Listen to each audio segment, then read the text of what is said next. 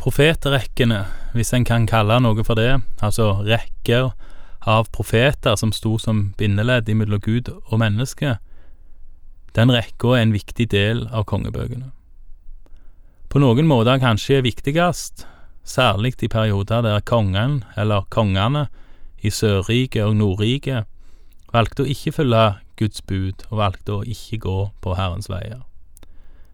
De valgte altså å bryte med tradisjonen ifra kong David, som var mannen etter Guds hjerte. Elia er nok en av de mest kjente profetene, men Elisha, som vi skal høre om i dag, er òg en stor profet, om han kanskje er mindre kjent. Kanskje var Elisha på noen måter større enn Elia. Men jeg tror at sjøl var de nok ikke særlig opptatt eh, av hvem av de som var størst jorda, så det bør kanskje ikke vi heller bruke for mye tid på. Uansett kan vi lære mye av begge. Nå har vi kommet til historien om når Elia trer av som profet og Elisha tar over.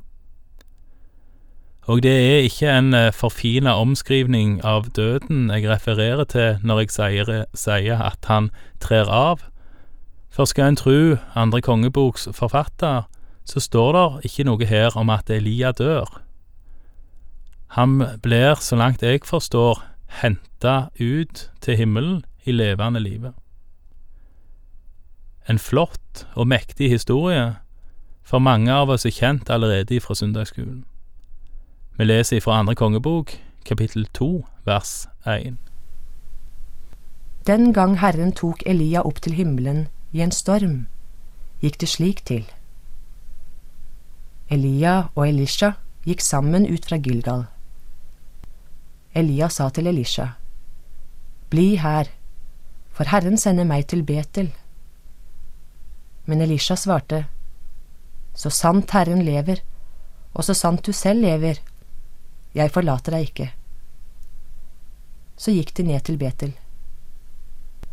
Profetdisiplene i Betel kom ut til Elisha og sa til ham, Vet du at Herren i dag vil ta din mester bort og løfte ham opp? Han svarte, Jeg vet det, ti bare stille. Så sa Elia til ham, Bli her, Elisha, for Herren sender meg til Jeriko. Han svarte, Så sant Herren lever, og så sant du selv lever, jeg forlater deg ikke. Så gikk de til Jeriko. Profetdisiplene der i byen kom bort til Elisha og sa til ham, Vet du at Herren i dag vil ta din mester bort, over hodet på deg? Han svarte, Ja, jeg vet det, ti bare stille. Nå sa Elia til ham, bli her, for Herren sender meg til Jordan. Elisha svarte, Så sant Herren lever, og så sant du selv lever, jeg forlater deg ikke. Så gikk de videre sammen. 50 av profetdisiplene fulgte etter dem. De ble stående langt borte, midt imot Elia og Elisha, mens de to stilte seg opp ved Jordan. Her kan vi merke oss flere ting. For det første at Elisha vil være med Elia uansett hvor han går. Men legg òg merke til at det er profetdisipler eller profetskoler både i Betel og i Jeriko.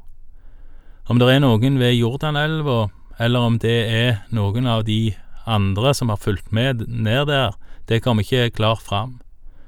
Det er kanskje ikke så viktig heller, men det er verdt å legge merke til at det er læresteder eller undervisningssteder flere plasser der nye mennesker blir opplært i å lytte til Gud.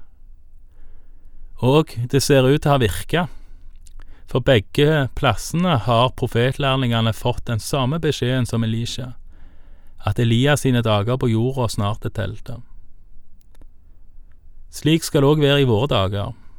Det er ikke sånn at det kun én eller noen få har tilgang til Skriften eller tilgang til nådegavene. At kun noen få skal kunne høre. Nei, det er gitt til alt folket. Så er det en forskjell både i nådegaver og naturgaver, for all del, og det er ikke alle som har fått likt av alt. Nei, vi har forskjellige gaver, står det.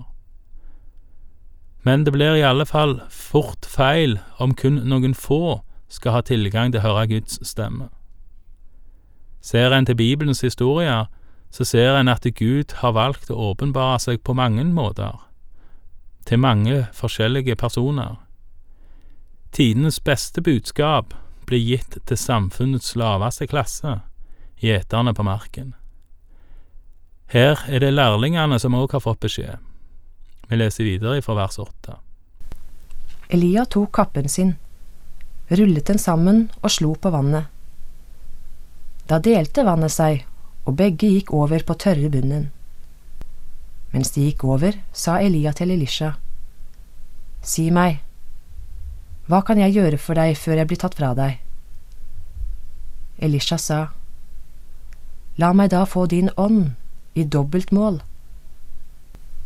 Elias svarte, Det er vanskelig det du ber om, men hvis du ser meg når jeg blir tatt bort fra deg, skal du få det, ellers ikke. Elisha ser Elia gjøre et under, og ber sjøl om å kunne få gjøre under. Ja, han ber faktisk om å få Elias i ånd i dobbelt mål, eller dobbelt så mye av den. Og det får han faktisk. Vi leser videre fra vers 11. Mens de gikk der og snakket sammen, kom det brått en ildvogn med ildhester foran og skilte dem fra hverandre. Og Elia for opp til himmelen i stormen.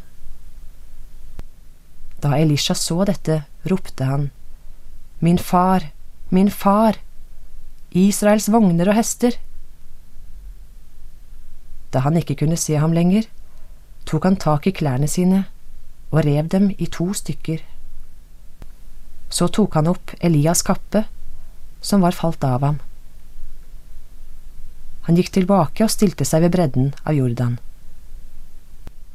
Der tok han kappen som var falt av Elia, slo på vannet og sa, Hvor er Herren, Elias Gud? Også da Elisha slo på vannet, delte det seg, og han gikk over. Etter at Elia blei tatt opp i ildvogna, tar Elisha hans kappe og går til Jordan. Der påkaller han Herren, Elias sin Gud, og får bekrefte at Elias sin Gud har gitt han samme makt, men òg da samme kall. Elias sin Gud har blitt Elisha sin Gud. Hvordan disiplene eller profetlærlingene tar det, kommer i det videre. Vi leser ifra vers 15. Profetdisiplene fra Jeriko, som sto midt imot ham, så dette og sa, Elias ånd hviler over Elisha. Og de kom imot ham og kastet seg til jorden for ham. Så sa de, Det er femti sterke menn her hos dine tjenere. La dem gå av sted og lete etter din mester. Kanskje Herrens ånd har løftet ham opp og sluppet ham ned på et av fjellene eller i en av dalene? Han svarte, Dere skal ikke sende noen.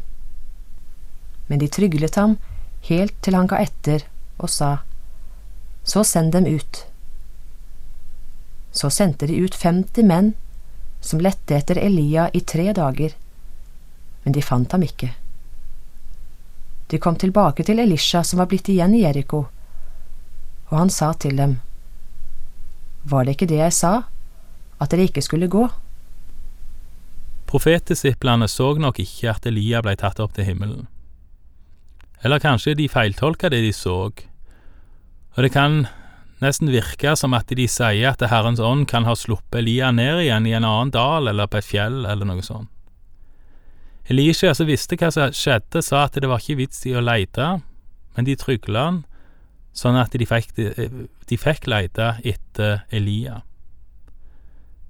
Og For oss som leser denne historien mange år etterpå, i alle fall for min egen del, så er det fint at de leter etter han. For det gir en utrolig historie lettere å tro på, iallfall for min egen del. Hvis ikke disse lærlingene hadde reist for å lete etter han, eh, så hadde vi bare hatt Elisha sitt ord på at Elia var dratt opp til himmelen. Nå var de i alle fall 50, eller 51 hvis en teller med Elisha. Parallellen til Jesu oppstandelse og himmelfart er for meg her ganske åpenbar. Hadde det bare vært disiplene som hadde sett Jesus etter at han hadde stått opp, så kunne jo de blitt enige om å lyge. Men Jesus viste seg for 500, står det. Flere levde og kunne vitne om det når deler av Det nye testamentet ble nedskrevet. Hadde ikke Elia blitt tatt opp til himmelen, så hadde nok noen kommet fram med liket. Hadde ikke Jesus stått opp igjen og blitt tatt opp til himmelen, så hadde nok òg noen kommet fram med det liket. Vi leser videre om Elisha fra vers 19. Mennene i Jeriko sa til Elisha, Som du ser, Herre, ligger byen fint til, men vannet er dårlig, og jorden bærer ikke grøde. Da sa han, Hent et nytt fat til meg og ha salt oppi det. De gjorde det. Og så gikk han ut til stedet hvor vannet vellet fram, kastet salt nedi og sa, Så sier Herren, Nå gjør jeg dette vannet friskt, det skal aldri mer volde død eller ødelegge avlingen. Siden har vannet vært friskt, helt til denne dag. Det gikk som Elisha hadde sagt. Byen Jeriko som Elisha her besøker, nevnes flere ganger i Det gamle testamentet. Den er kanskje mest kjent for slaget ved Jeriko, da Josva og israelittene like etter inntok det lova landet og inntok byen Jeriko. Det kan en lese om i Josvas bok, kapittel seks. Leser en mot slutten av Josva seks, så står det at Josva får folket til å lyse en ed over Jeriko, der byen forbannes, sånn at den som prøver å bygge den opp igjen, skal miste sin eldste og sin yngste sønn. Og byen ligger nok i ruiner lenge etter dette, for det er Hiel ifra Betlehem som bygger den opp igjen, så seint som på kong Akab eller Ahabs tid. Og nå er det altså da sønnen av Ahab si tid, og Jeriko har med andre ord blitt bygd opp igjen ganske nylig, og Elisha han har nå vært der og gjort vannet rent igjen. Vi leser videre fra vers 23. Fra Jeriko dro profeten opp til Betel. Mens han var på veien, kom noen smågutter ut av byen. De gjorde narr av ham og ropte, Kom deg vekk, din flintskalle! Kom deg vekk, din flintskalle! Da han snudde seg og fikk se dem, forbannet han dem i Herrens navn og to bjørner kom ut av skogen og rev i hjel 42 av barna. Fra Betel dro Elisha til Karmelfjellet, og så vendte han tilbake til Samaria. Den siste historien her er nok en av de som en skulle ønske en kunne hoppe over. Hvorfor skal noen smågutter måtte bli tatt av dage for å mobbe en eller annen skalla mann? Det gir ikke mening. Og i grunnen så kan jeg være enig i det.